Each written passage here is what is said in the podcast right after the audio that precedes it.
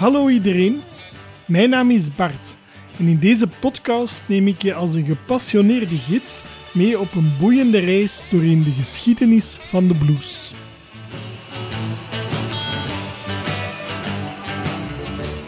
We vertrekken in het middeleeuwse Afrika en bestuderen de gigantische voetafdruk die de Afrikaanse cultuur, ondanks de gruwelen van de slavernij, achterliet op onze huidige rockmuziek.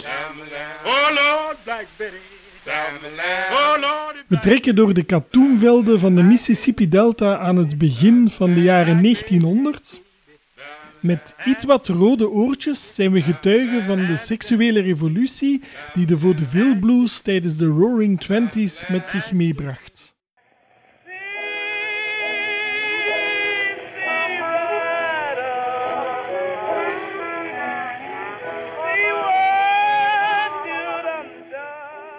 We bezoeken bruisende steden als New Orleans en Chicago in de jaren 30 en 40, waar we getuigen zijn van de geboorte van de rock and roll. Well, now that's alright, no mama. That's alright for you. That's alright, no mama. Onze reis maakte een omweg naar Groot-Brittannië van de jaren 60, waar de blues opnieuw werd uitgevonden.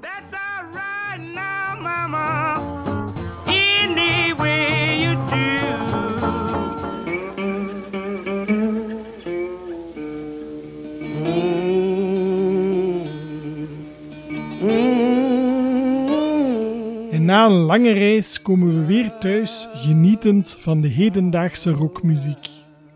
Klinkt dit je alles als muziek in de oren? Dan ben ik heel graag je gids.